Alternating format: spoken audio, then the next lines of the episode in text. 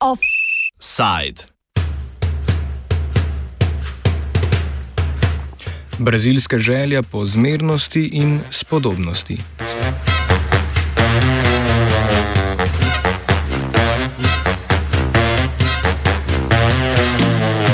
Ajde, še enkrat. Brazilska želja po zmernosti in sposobnosti.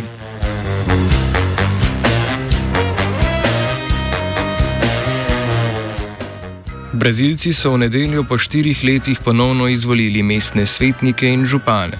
Volitve so se osredotočale na lokalna vprašanja mestne infrastrukture in financiranje šolstva, pa vendar je opazno, da je podpornikom predsednika Žajra Bolsonara na volitvah šlo slabo. Če tudi je sam predsednik precej popularen, se voljivci dve leti pred predsedniškimi volitvami niso menili za Bolsonarove kandidate. Namesto njih so volili predvsem lokalno uveljavljene politike, zlasti desno-sredinskih strank. Delovska stranka, največja leva stranka na državnem nivoju, pa je izgubila veliko županskih mest, predvsem v večjih mestih. V današnjem offsajdu tako o brazilski zavrnitvi desnega populizma v stilu Bolsonara, vsaj na lokalni ravni, ter o stanju brazilske levice. Mauricio Santoro, profesor mednarodnih odnosov z Univerze v Rio de Janeiro, povzame brazilsko preusmeritev k tradicionalnim strankam. What we have learned in this election is that Brazil is leaving behind four years where politics was very extremist, where we had the, the rise of populist leaders, very anti system politicians, and now we are moving back to a more normal kind of political life. The biggest winner in these elections were the center right parties. They are conservative, but they are not extremists. So this is a big change for Brazil if we make the comparison with the elections in the last four years.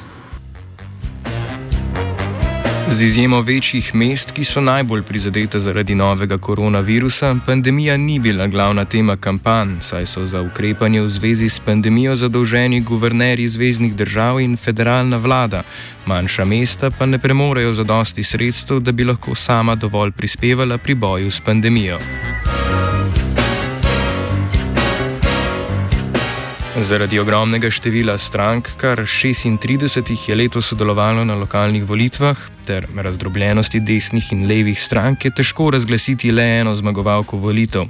Vsekakor pa med prvimi desetimi strankami z največ osvojenimi županskimi mesti prevladujejo desno-sredinske stranke, kot so Brazilsko demokratsko gibanje, Progresistas, ki je kljub svojemu imenu konzervativna stranka, Demokrati, liberalna stranka, stranka republikanci in stranka socialnih kristijanov. Poleg števila osvojenih županskih mest pa je pomemben faktor tudi to, ali je stranka ustoličila župane v prestolnicah zvezdnih držav, kar so storile predvsem desno-sredinske stranke.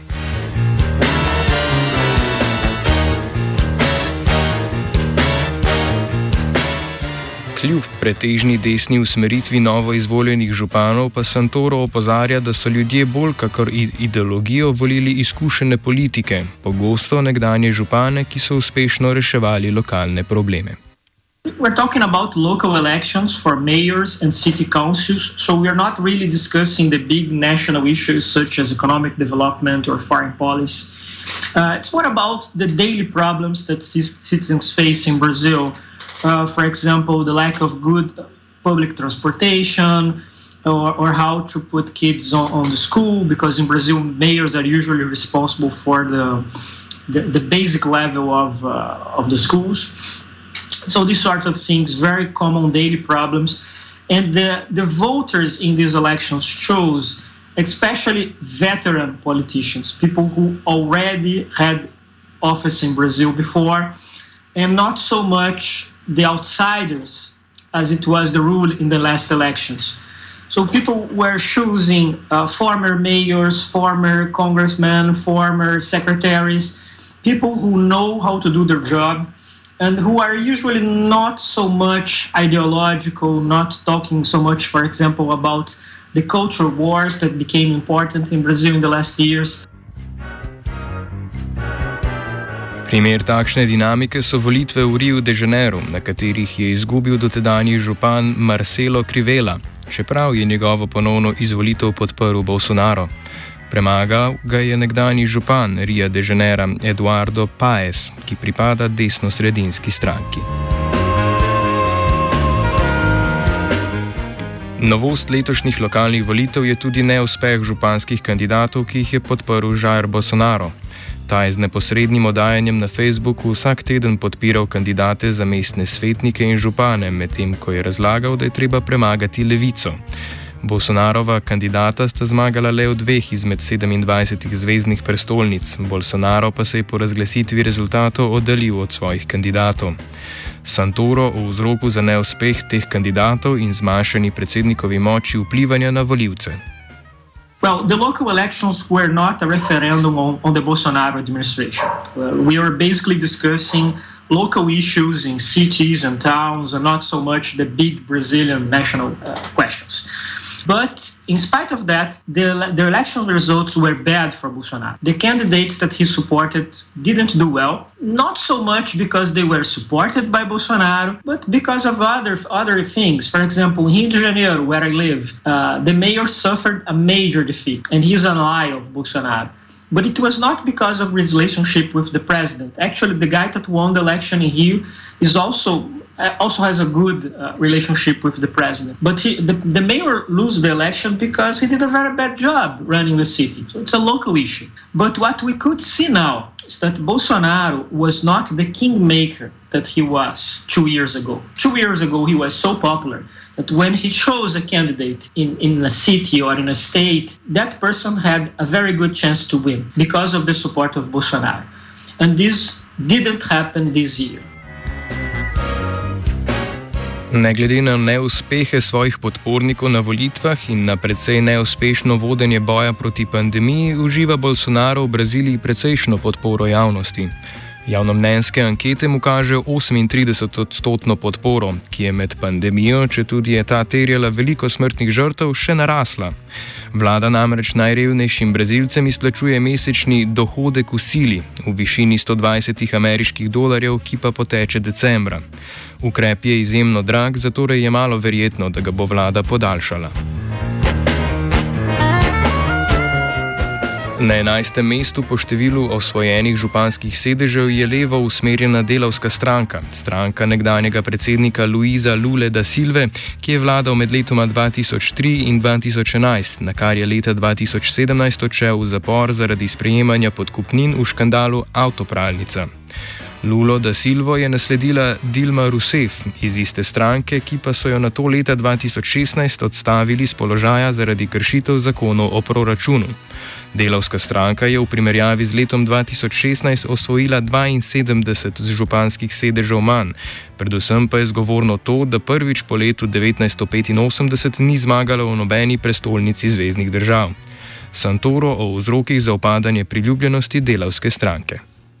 Well, since the, the impeachment of former President Dilma Rousseff, and since Lula was arrested uh, under corruption charges, the official discourse of the Workers' Party has been that they didn't do anything wrong, that they didn't commit any mistake on any, on any crime, and that they were framed by a conspiracy of the Brazilian upper classes. And it's very hard to sell this kind of discourse. And uh, the left is, is basically presenting a very nostalgic view of the Lula years. They say, oh, vote for our candidates that you are going to have back the golden years of the 2000s. And voters were not really very much into that. I mean, they were more concerned about the, the current problems with the economic crisis, with the pandemic. And I think that they want to see some some kind of self-criticism from Lula and from the Workers' Party to say, oh, okay, you did well in the economy, but there were all these major corruption scandals, and uh, they want to see new faces like these young, promising leaders that are appearing right now. But uh, if you look to the Brazilian regions, the left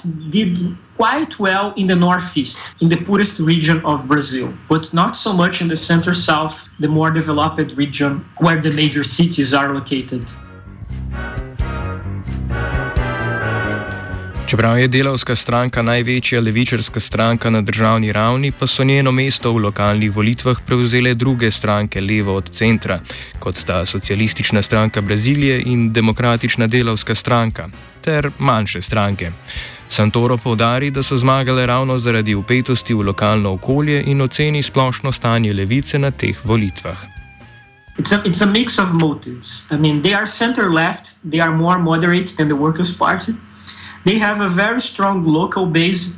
For example, they usually have a local leader who used to be the governor of the mayor of a, of a major city.